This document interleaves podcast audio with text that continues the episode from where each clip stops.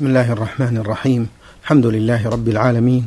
والصلاة والسلام على أشرف الأنبياء والمرسلين نبينا محمد وعلى آله وصحبه أجمعين. أيها الإخوة والأخوات السلام عليكم ورحمة الله وبركاته. ومرحبا بحضراتكم إلى درس جديد من دروس المنتقى. ضيف اللقاء هو سماحة الشيخ عبد العزيز بن عبد الله بن باز المفتي العام للمملكة العربية السعودية ورئيس هيئة كبار العلماء. مع مطلع هذا اللقاء نرحب بسماحة الشيخ فأهلا ومرحبا يا سماحة الشيخ. حياكم الله وبارك فيكم. وقف بنا الحديث آه، عند باب الاطلاع بالنورة. قال المؤلف رحمه الله باب الاطلاع بالنورة. عن أم سلمة أن النبي صلى الله عليه وآله وصحبه وسلم كان إذا طلى بدأ بعورته فطلاها بالنوره وسائر جسده أهله. رواه ابن ماجه. بسم الله الرحمن الرحيم. الحمد لله وصلى الله وسلم على رسول الله وعلى آله وأصحابه ومن اهتدى بهداه. أما بعد فقد ثبت عن النبي صلى الله عليه وسلم في الأحاديث الصحيحة شرعية حلق العانة يقول النبي صلى الله عليه وسلم الفطرة, الفطرة خمس الختان والاستحداد. الاستحداد هو حلق العانة قص الشارب قلم الظهر ونتف الآباط. ويقول أنس رضي الله عنه وقت لنا في قص الشارب وقلم الظهر ونتف الإبط. وحلق العانة ألا نترك ذلك أكثر من أربعين ليلة. وفي اللفظ الآخر وقتنا رسول الله صلى الله عليه وسلم ذلك. هذا يدل على أن حلق العانة مستحب سنة والعانة هي الشعر الذي حول القبر ويسمى الشعرة. يسحب حلقه من الرجل والمرأة. وهكذا قص الشارب قلم الظهر نتف الإبط كله سنة. والسنة أن لا يترك أكثر من أربعين ليلة؟ قص الشارب للرجل قلم الظهر للجميع نتف الإبط للجميع حلق العانة للجميع. في حديث ام سلمه هذا أن الرسول صلى الله عليه وسلم استعمل النوره لإزالة العانه ولا حرج في ذلك. والحديث ضعيف لأنه من رواية حبيب أبي سلمة من حبيب حديث حبيب بن أبي ثابت عن أم سلمة. وقد قيل إنه لم يسمع منها وهو مدلس أيضا. فالحديث ضعيف عن أم سلمة. لكن لا حرج. لأن المقصود هو إزالة هذه الشعارات وهي العانه فإذا أزالها بالنورة أو بغير النورة فلا بأس. وإذا كان يحسن الحلق فالحلق أفضل لأن الأحاديث الصحيحة فيها الحلق. فإذا كان يحسن الحلق حلقها. وإن أزالها بشيء من المبيدات فلا بأس نورها وغيرها. المهم إزالة هذا الشعر. وهكذا الإبط. نتفه هو السنة وإن أزال بغير النتف فلا بأس. قلم الظهر كذلك إذا قلمه بالمقلمة أو قص بالمقص المقصود إزالته. فالسنة قلم الظهر ونتف الإبط وحلق العانة. وقص الشارب للرجل. هذا هو السنة. وإن أزال الظهر بغير القلم أو أزال الإبط بغير النتف أو أزال العانة بغير الحلق فكل ذلك لا حرج فيه والحمد لله. نعم. أحسن الله إليكم. نعم. أبواب قال المؤلف رحمه الله أبواب صفة الوضوء. باب الدليل على وجوب النية له. عن عمر بن الخطاب قال سمعت رسول الله صلى الله عليه وآله وصحبه وسلم يقول إنما الأعمال بالنية وإنما لامرئ ما نوى. فمن كانت هجرته إلى الله وإلى رسوله فهجرته إلى الله وإلى رسوله. ومن كانت هجرته إلى دنيا يصيبها أو امرأة يتزوجها فهجرته إلى ما هاجر إليه رواه الجماعة. هذا الحديث يتعلق بالنية والنية شرطه العبادات الصلاة والصيام والغسل والطهارة والزكاة وغير ذلك. لقوله صلى الله عليه وسلم في الحديث الصحيح المذكور إنما الأعمال بالنية وفي اللفظ الآخر بالنيات. إنما الأعمال بالنيات وإنما لكل امرئ ما نوى. والحديث حديث صحيح متفق عليه بين أهل العلم. ومن أصح الأحاديث. وهو دال على أنه لا بد من النية. فالأعمال كلها بالنيات. فلو توضأ غسل أعضاءه ولم ينوي فلا طهارة له. أو صب الماء على جسده ولم ينوي فلا طهارة له. لا بد من النية إن كان جنابة ينوي جنابة. إن كان صلاة ينوي الصلاة وهكذا. لا بد من نية في وضوءه وفي غسله وفي صلاته وصومه وغير ذلك. لقوله صلى الله عليه وسلم إنما الأعمال بالنيات. وهذه جملة محصورة بإنما. وذلك يدل على أنه لا بد من النية. حتى يميز بين العبادات. والنية تميز بين العبادات بين الصلاة والصوم وفرض الظهر والعصر والمغرب. تميز بين العبادة والعادة أيضا. فالإمساك قد يكون بنية الصوم قد يكون بنية بنية أخرى وهكذا أعماله الأخرى. قد يخرج من بيته للتجارة قد يخرج للصلاة قد يخرج لعيادة المريض. قد يخرج لطلب العلم فالنية تميز بين العادات والعبادات. فالأعمال كلها بالنيات وإنما لكل امرئ ما نوى. ثم ضرب النبي مثلا فقال صلى الله عليه وسلم, وسلم. فمن كان هجرته إلى الله ورسوله فهجرته إلى الله ورسوله ومن كان هجرته إلى دنيا يصيبها أو امرأة يتزوجها فهجرته إلى ما هاجر إليه. هذا مثال من الأمثلة.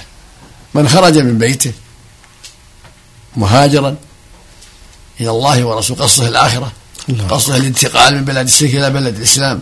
كما انتقل المسلمون من مكة إلى المدينة فهجرته إلى الله ورسوله. له ثوابها وله أجرها. أما من كان انتقاله من بلد إلى بلد ليس لذلك ولكن لزوج امرأة يتزوجها أو لمال يصيبه أو لأسباب أخرى فهجرته إلى ما هاجر إليه. فالأعمال بالنيات وهكذا من خرج من بيته للتجارة له نيته. ومن خرج من بيته لعيادة المريض أو للصلاة فله نيته فالأعمال كلها بالنيات. وهكذا من أكل ليتقوى على طاعة الله على الصوم على الجهاد فله نيته. ومن أكل لغير ذلك له نيته. وهكذا من جاهد لقصد نصر دين الله وإعلاء كلمة الله فله نيته. ومن جاهد للرياء فله نيته. فالأعمال كلها بالنيات. نعم. أحسن الله إليكم. سماحة الشيخ حفظكم الله وبارك فيكم. حديث إنما الأعمال بالنيات. حديث مشهور عظيم. صدر به معظم المحدثين وغيرهم آه، كتبهم. ما عدا مالك رحمه الله. هل تركه لذلك لعلة رآها؟ لا أعلم شيء في هذا. أقول لا أذكر شيء في هذا. نعم. قال ولا يضره ترك مالك. طيب. لا يضره. إذا خرجه الأئمة الحمد لله. هو حديث صحيح باتفاق الأئمة. حديث صحيح. خرجه الشيخان البخاري ومسلم وغيرهما. ولا يضره. كون مالك ما خرج. إذا كان مالك ما خرج لا يضره. أحسن الله إليكم. سماحة الشيخ قال بعض العلماء بأن حديث عمر رضي الله عنه ثلث الإسلام. ما رأيكم بهذه العبارة؟ حديث عمر في الحقيقة شطر الإسلام. لأن الأعمال لها ظاهر وباطن. فحديث عمر يتعلق بالباطن وحديث عائشة يتعلق بالظاهر وهو قوله صلى الله عليه وسلم من أحدث في أمرنا هذا ما ليس فهو رد من عمل عمل ليس عليه الله فهو رد فالعمل الصالح لابد فيه من أمرين أحدهما الإخلاص بالله والثاني موافقة للشريعة حديث عمر يتعلق بالإخلاص وحديث عائشة يتعلق بموافقة الشريعة فهو شطر الإسلام وقال بعض أهل العلم إنه ربع الإسلام. وأنشد في هذا بيته فقال عمدة الدين عندنا كلمات أربع من كلام خير البرية. اتق الشبهات وازهد ودع ما ليس نعيك واعملا بنية. فجعله ربع الإسلام. عمدة الدين عندنا كلمات أربع من كلام خير البرية. اتق الشبهات حديث زد اتق الشبهات. اتق الشبهات وازهد ودع ما ليس يعنيك واعملا بنية. اتق الشبهات حديث النعمان بن بشير من اتقى الشبهات فقد استبرأ لدينه وعرضه حديث زاد حديث سهل. سهل في الدنيا يحبك الله. واتق اتق ودع ما ليس يعنيك. حديث من حسن الإسلام تركه ما من حسن الاسلام المرء تركه ما لا يعنيه وعمل بنية حديث عمر الاعمال بالنيات والصواب المعنى الأول. الصواب أنه في الحقيقة شطر الإسلام. لأنه يتعلق بالباطن وحديث عائشة وما جاء في معناه يتعلق بالظاهر. والإسلام باطن وظاهر. فالنيات تتعلق بالإخلاص موافقة الشريعة تتعلق بالعمل الظاهر. فلا بد في كل عمل أن يكون لله وأن يوافق الشريعة وإلا فإنه يكون باطل ما ينفع. لا بد أن يكون لله وأن يكون موافقا للشريعة. نعم. أحسن الله إليكم وبارك فيكم. هل الهجرة مشروعة في هذا الزمان سماحة الشيخ؟ في كل زمان إلى أن تقوم الساعة. ما دام هناك شرك وإسلام فلا بد من هجرة. إذا كان في بلاد الشرك واستطاع أن يهاجر وجبت على الهجرة إلا إذا كان يظهر دينه في بلاد الشرك ولا يخشى على نفسه يوحد الله ويصلي ويصوم ويتبرأ من الشرك وينكر الشرك وينكر ما حرم الله. ولا عليه خطر في هذا فلا تلزمه الهجرة. أما إذا كان لا لا يستطيع إظهار دينه. ويستطيع أن يهاجر يلزمه أن يهاجر.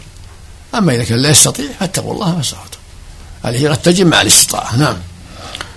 قال المؤلف رحمه الله باب التسمية للوضوء.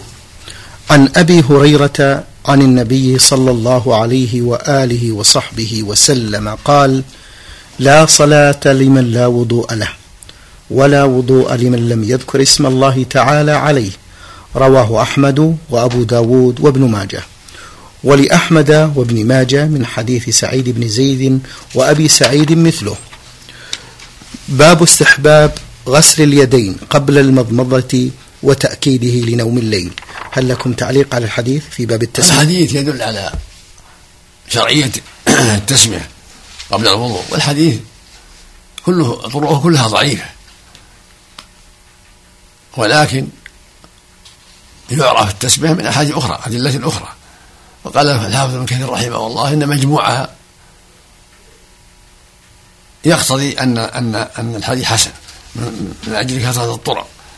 فالسنة للمتوضئ أن يسمي الله عز وجل عند بدء وضوءه يقول بسم الله أو بسم الله الرحمن الرحيم عند بدء الوضوء. هذا هو السنة. وذهب جمع من أهل العلم إلى وجوبها مع الذكر وتسقط مع النسيان. والأحاديث في هذا الباب طرقها ضعيفة لكن يشد بعضها بعضا ويشهد لها كل أمر ذي لا يبدأ في بسم الله فهو أجدم فالسنة للمتوضئ أن يبدأ بسم الله.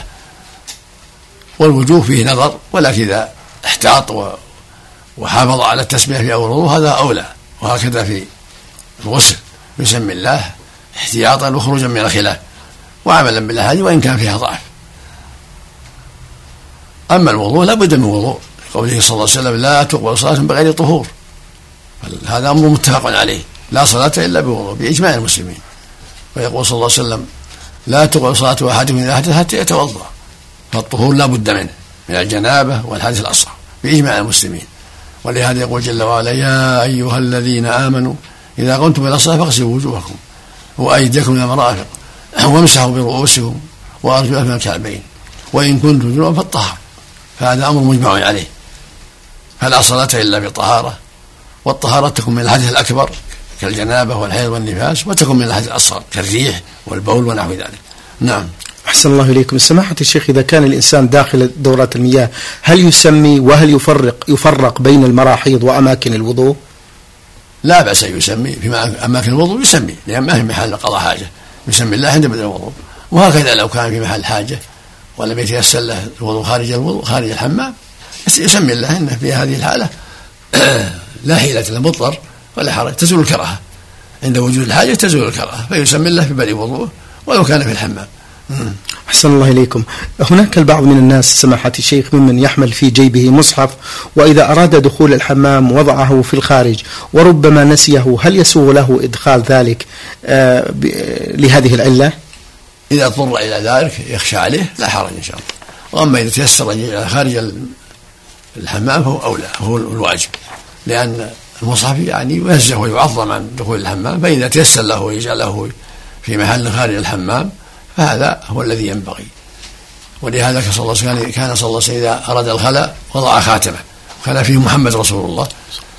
فإذا كان الخاتم ونحوه يستحب تركه خارج الحمام فالمصحف من باب أولى. لكن إذا خاف عليه أو لم يجد مكان يضعه فيه هذا ما بالضرورات لا حرج إن شاء الله. أحسن الله إليكم. حديث آه، أبو هريرة سماحة الشيخ إذا توضأت فقل بسم الله والحمد لله. ما صحته؟ كلها ضعيفة كلها ضعيفة. نعم. حفظكم الله فتح الصنبور أو البزبوز هل يعد من الإسراف في الماء؟ لا يفتح الحاجة لكن قصد يفتحها قصدا ويسمي الله. نعم. الترتيب بين الأعضاء في الوضوء إذا ترك المتوضي موضعا صغيرا لم يصبه الماء ولم يعلم بذلك هل يأثم سماحة الشيخ؟ يعيد الوضوء.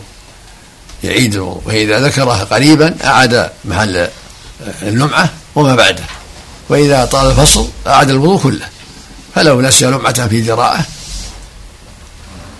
بعد ما مسح رأسه يرجع فيغسل الذراع يكمل الذراع ثم يعيد مسح الرأس والأذنين ثم يغسل رجليه.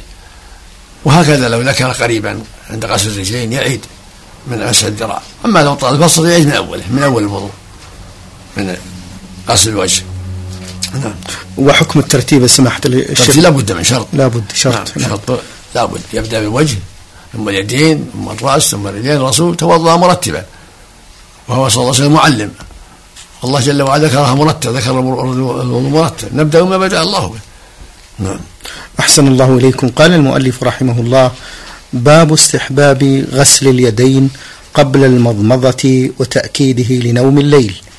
عن أوس بن أوس الثقفي قال رأيت رسول الله صلى الله عليه وآله وصحبه وسلم توضأ فاستوكف ثلاثا أي غسل كفيه رواه أحمد والنسائي.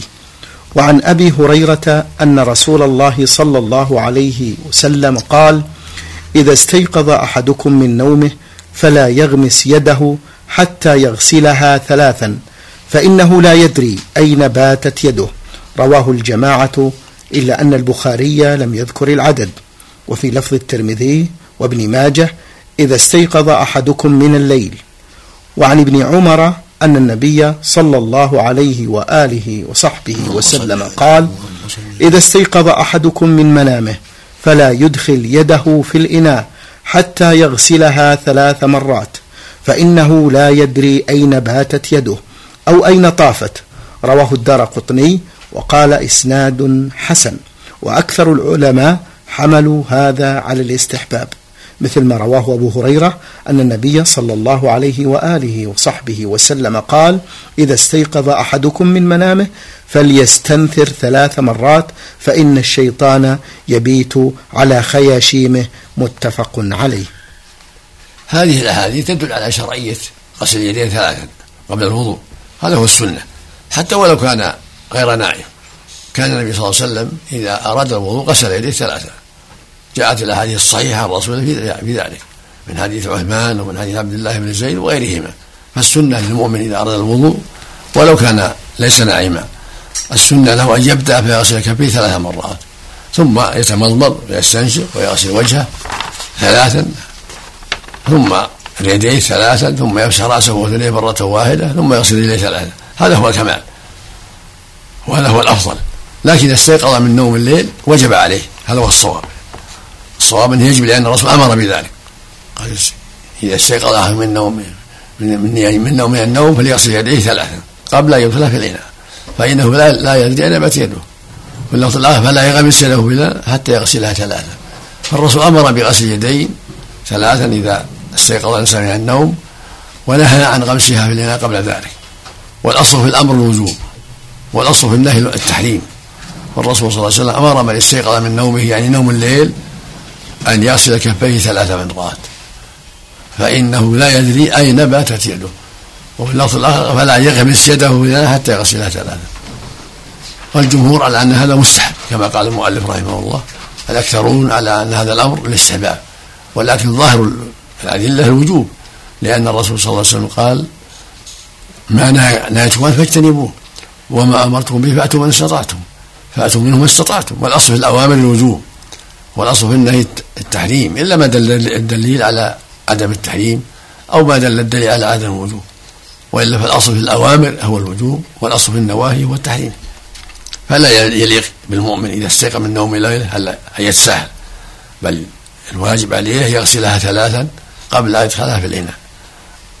وكذلك اذا كان من البزوز من الكباس إذا كان يغسل يديه يغسلها ثلاثا قبل ان يستعمل غسل وجهه. ولو من من الكباس يصب على يده. نعم. آه، حفظكم الله سماحة الشيخ. هل غسل اليدين مشروع قبل الوضوء دائما يا شيخ؟ دائما نعم دائما, دائما. دائما. إلا من نوم الليل يجب. الراجح وجوبه من نوم الليل. نعم. آه، وهكذا الاستنشاق. ثلاثا إذا استيقظ من نوم الليل يستنشق ثلاثا. السنة مؤكدة عند الجمهور والقول بالوجوب قول قوي. لأن الرسول أمر بذلك. قال استيقظ منه فيستنثر ثلاثا فإن الشيطان يبيت على خيشومه هذا يقتضي الوجوب الأمر أصله الوجوب. لكن الجمهور حملوا على الاستحباب. نعم. سماحة الشيخ حفظكم الله حديث أبو هريرة على أن غسل اليدين خاص بنوم الليل خاصة حيث يقول فإن أحدكم لا يدري أين باتت يده. نعم هذا الوجوب, الوجوب. أما السنية عامة. أيوة. غسل اليدين عامة. كان النبي يغسل يديه قبل الوضوء حتى في النهار ولو من غير النوم. كان إذا أراد الوضوء غسل كفيه ثلاث مرات قبل الوضوء عليه الصلاة والسلام. هذه سنة دائمة العلة معلومة يا سماحة الشيخ واضحة واضحة. فيها نظافة نظافة واضحة. وفيها النظافة العظيمة اليدين محل يستعمل الإنسان في كذا أو في كذا أو في كذا فغسلها ثلاثة فيه. نظافة وعناية. نعم. باب المضمضة والاستنشاق.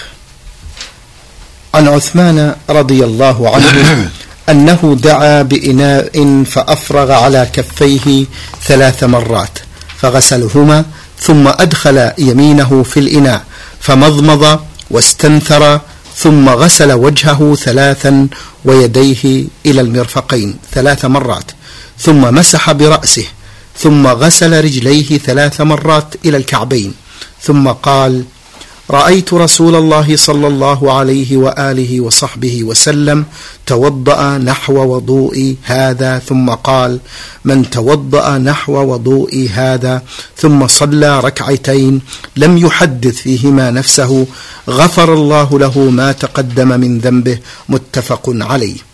وعن علي رضي الله عنه أنه دعا بوضوء فتمضمض واستنشق ونثر بيده اليسرى ففعل هذا ثلاثا ثم قال هذا طهور نبي الله صلى الله عليه وآله وصحبه وسلم. رواه أحمد والنسائي. وعن أبي هريرة أن النبي صلى الله عليه وآله وصحبه وسلم قال إذا توضأ أحدكم فليجعل في أنفه ماء ثم لينتثر. متفق عليه. وعن حماد بن سلمة عن عمار بن أبي عمار عن أبي هريرة قال أمر رسول الله صلى الله عليه وآله وصحبه وسلم بالمضمضة والاستنشاق رواه الدار قطني. نعم. كل هذه الأحاديث دالة على صفه وضوء النبي صلى الله عليه وسلم وقد جاء في الباب أحاديث كثيرة في صفه وضوء صلى الله عليه وسلم. فالسنة كما تقدم أن يغسل يديه ثلاث مرات هذا هو الأفضل.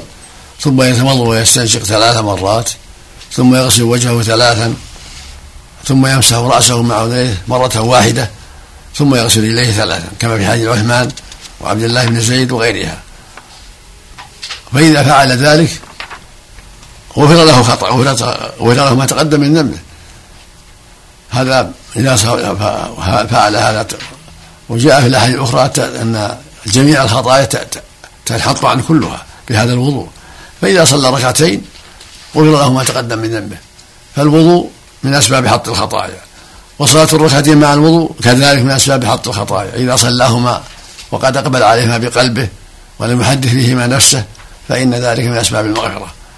قد جاء في هذا المعنى عدة أحاديث كلها صحيحة مستفيضة عن النبي صلى الله عليه وسلم. تدل على فضل الوضوء فضل الركعتين بعد الوضوء. فالوضوء من أسباب المغفرة والركعتان بعد الوضوء إذا أقبل عليهما من أسباب المغفرة. وصفة الوضوء كما بين النبي صلى الله عليه وسلم كما بين عثمان وعبد الله بن زيد وعلي وغيرهم. الوضوء يبدأ فيغسل كفيه ثلاث مرات ثم يتوضأ ويستنشق ثلاث مرات ويغسل وجهه ثلاثة والمرة كافيه الواحدة تكفي. المرة الواحدة والاستنشاق الواحد والغسل الوجه مرة واحدة تكفي لكن الأفضل ثلاثة. وإن غسل بعض الأعضاء ثلاثا وبعضها اثنتين وبعضها واحدة أجزاء لا حرج. لكن المهم ان يعم العضو بالغسل يعم الوجه بالغسل يعم الذراع مع المرفق بالغسل يعم الرجل مع الكعب بالغسل يعم الرأس بالمسح لا بد من هذا. والأفضل ثلاثا ثلاثة في الوجه والمضمضة والاستنشاق وفي اليدين وفي الرجلين. أما الرأس لا مسحة واحدة مع أذنيه هذا هو السنة. وهذا الوضوء لتوفيق الله من أسباب المغفرة. وإذا صلى بعد الوضوء ركعتين تطوعا فهذا من أسباب المغفرة أيضا. نعم. أحسن الله هاتان الركعتان سنة الوضوء. السنة لمن توضأ أن يصلي ركعتين ولو كان في وقت النهي لأنها من ذوات الأسباب. إذا توضأ بعد العصر سنة يصلي ركعتين أو توضأ بعد الفجر سنة يصلي ركعتين على الصحيح. يقبل عليهما بقلبه ويخشع فيهما. نعم. أحسن الله إليكم. يتساءل البعض من الناس سماحة الشيخ بأن الشخص إذا توضأ من البزبوز فهل ينطبق عليه نفس الحكم أم أن ذلك خاص بالوضوء من الإناء؟ لا عام حكم عام. طيب. الحكم سواء من كباس أو من الإناء كل واحد. لكن يراعي السنة. ثلاثا ثلاثة. وإن غسل بعض الأعضاء اثنتين وبعض الأعضاء مرة واحدة فلا حرج. كل هذا ثابت. النبي صلى الله عليه وسلم توضأ مرة مرة توضأ مرتين مرتين توضأ ثلاثة ثلاثة وتوضأ في بعضها مرتين وبعضها ثلاثة الأمر واسع بحمد الله. لكن الكمال ثلاث ثلاث غسلات. في الوجه وفي اليدين وفي الرجلين. وفي المضمضة والاستنشاق كذلك. نعم. قال المؤلف رحمه الله باب ما جاء في جواز تأخيرهما على غسل الوجه واليدين. عن المقدام بن معد كرب قال أتي رسول الله صلى الله عليه وآله وصحبه وسلم بوضوء فتوضأ فغسل كفيه ثلاثا وغسل وجهه ثلاثا ثم غسل ذراعيه ثلاثا ثلاثا ثم مضمض واستنشق ثلاثا ثلاثا. ثم مسح برأسه وأذنيه ظاهرهما وباطنهما. رواه أبو داود وأحمد وزاد وغسل رجليه ثلاثا ثلاثا. وعن العباس بن يزيد عن سفيان بن عيينة عن عبد الله بن محمد بن عقيل عن الربيع بنت معوذ بن عفراء قال أتيتها فأخرجت إلي إناء فقالت في هذا كنت أخرج الوضوء لرسول الله صلى الله عليه وسلم فيبدأ فيغسل يديه قبل أن يدخلهما الإناء ثلاثا ثم يتوضأ فيغسل وجهه ثلاثا ثم يمضمض ويستنشق ثلاثا ثم يغسل يديه ثم يمسح برأسه مقبلا ومدبرا ثم يغسل رجليه. قال العباس بن يزيد هذه المرأة التي حدثت عن النبي صلى الله عليه وآله وسلم أنه بدأ بالوجه قبل المضمضة والاستنشاق وقد حدث أهل بدر منهم عثمان وعلي أنه بدأ بالمضمضة والاستنشاق قبل الوجه والناس عليه رواه الدار قطني. هذان الحديثان شاذان مخالفان للأحاديث الصحيحة. السنة الثابتة في الأحاديث الصحيحة أن المضمضة والاستنشاق قبل غسل الوجه. وإذا أخرهما بعد غسل الوجه في نفس الوجه قبل غسل اليدين لا بأس. لكن السنة الثابتة في الأحاديث الصحيحة المدعى بهما. وحديث المقدام هذا شاذ مخالف للأحاديث الصحيحة. وهكذا حديث الربيع. فيه عبد الله بن عقيل وهو يضعف في الحديث. وأيضا هو شاذ مخالف للأحاديث الصحيحة. فالأحاديث الصحيحة الثابتة في الصحيحين من حديث عثمان وعبد الله بن زيد وغيرهم وعلي وغيرهم كلها مستفيضه عن النبي صلى الله عليه وسلم. كلها دالة على أنه يتمضمض ويستنشق ثم يغسل وجهه. ولا تؤخر عن الوجه بل مع الوجه. إن بدأ بهما هو السنة وإن أخرهما فلا, فلا حرج لكن في وجه قبل غسل اليدين. والمقصود أن الأحاديث الصحيحة كلها ثابتة دالة على أن الأفضل البدعة في موضوع الاستنشاق ثم يغسل وجهه. أما تأخيرها عن غسل اليدين في حديث المقدام هذا شاذ مخالف للأحاديث الصحيحة ولا يعول عليه. وكذلك حديث الربيع تأخيره بعد الوجه. خلاف الأحاديث الصحيحة. فالواجب هو الأخذ بالأحاديث الصحيحة المستفيضة الثابتة في الصحيحين وغيرهما وعدم الالتفات إلى الأحاديث الشاذة والضعيفة المخالفة لما ثبت عن النبي صلى الله عليه وسلم في هذا الباب مثل حديث الربيع وحديث المقدام هذا. والمضمضه والاستنشاق مع الوجه لكن يبدأ بهما قبل غسل الوجه. هذا هو السنة. نعم. شكر الله لكم سماحة الشيخ وبارك الله فيكم وفي علمكم ونفع بكم الإسلام والمسلمين. أيها الإخوة والأخوات كان معنا في برنامج شرح كتاب المنتقى سماحة الشيخ عبد العزيز بن عبد الله بن باز المفتي العام للمملكة العربية السعودية ورئيس هيئة كبار العلماء. شكر الله لسماحة الشيخ على ما بين لنا. وفي الختام تقبلوا تحيات الزملاء من الإذاعة الخارجية فهد العثمان ومن هندسة الصوت سعد عبد العزيز خميس. والسلام عليكم ورحمة الله وبركاته.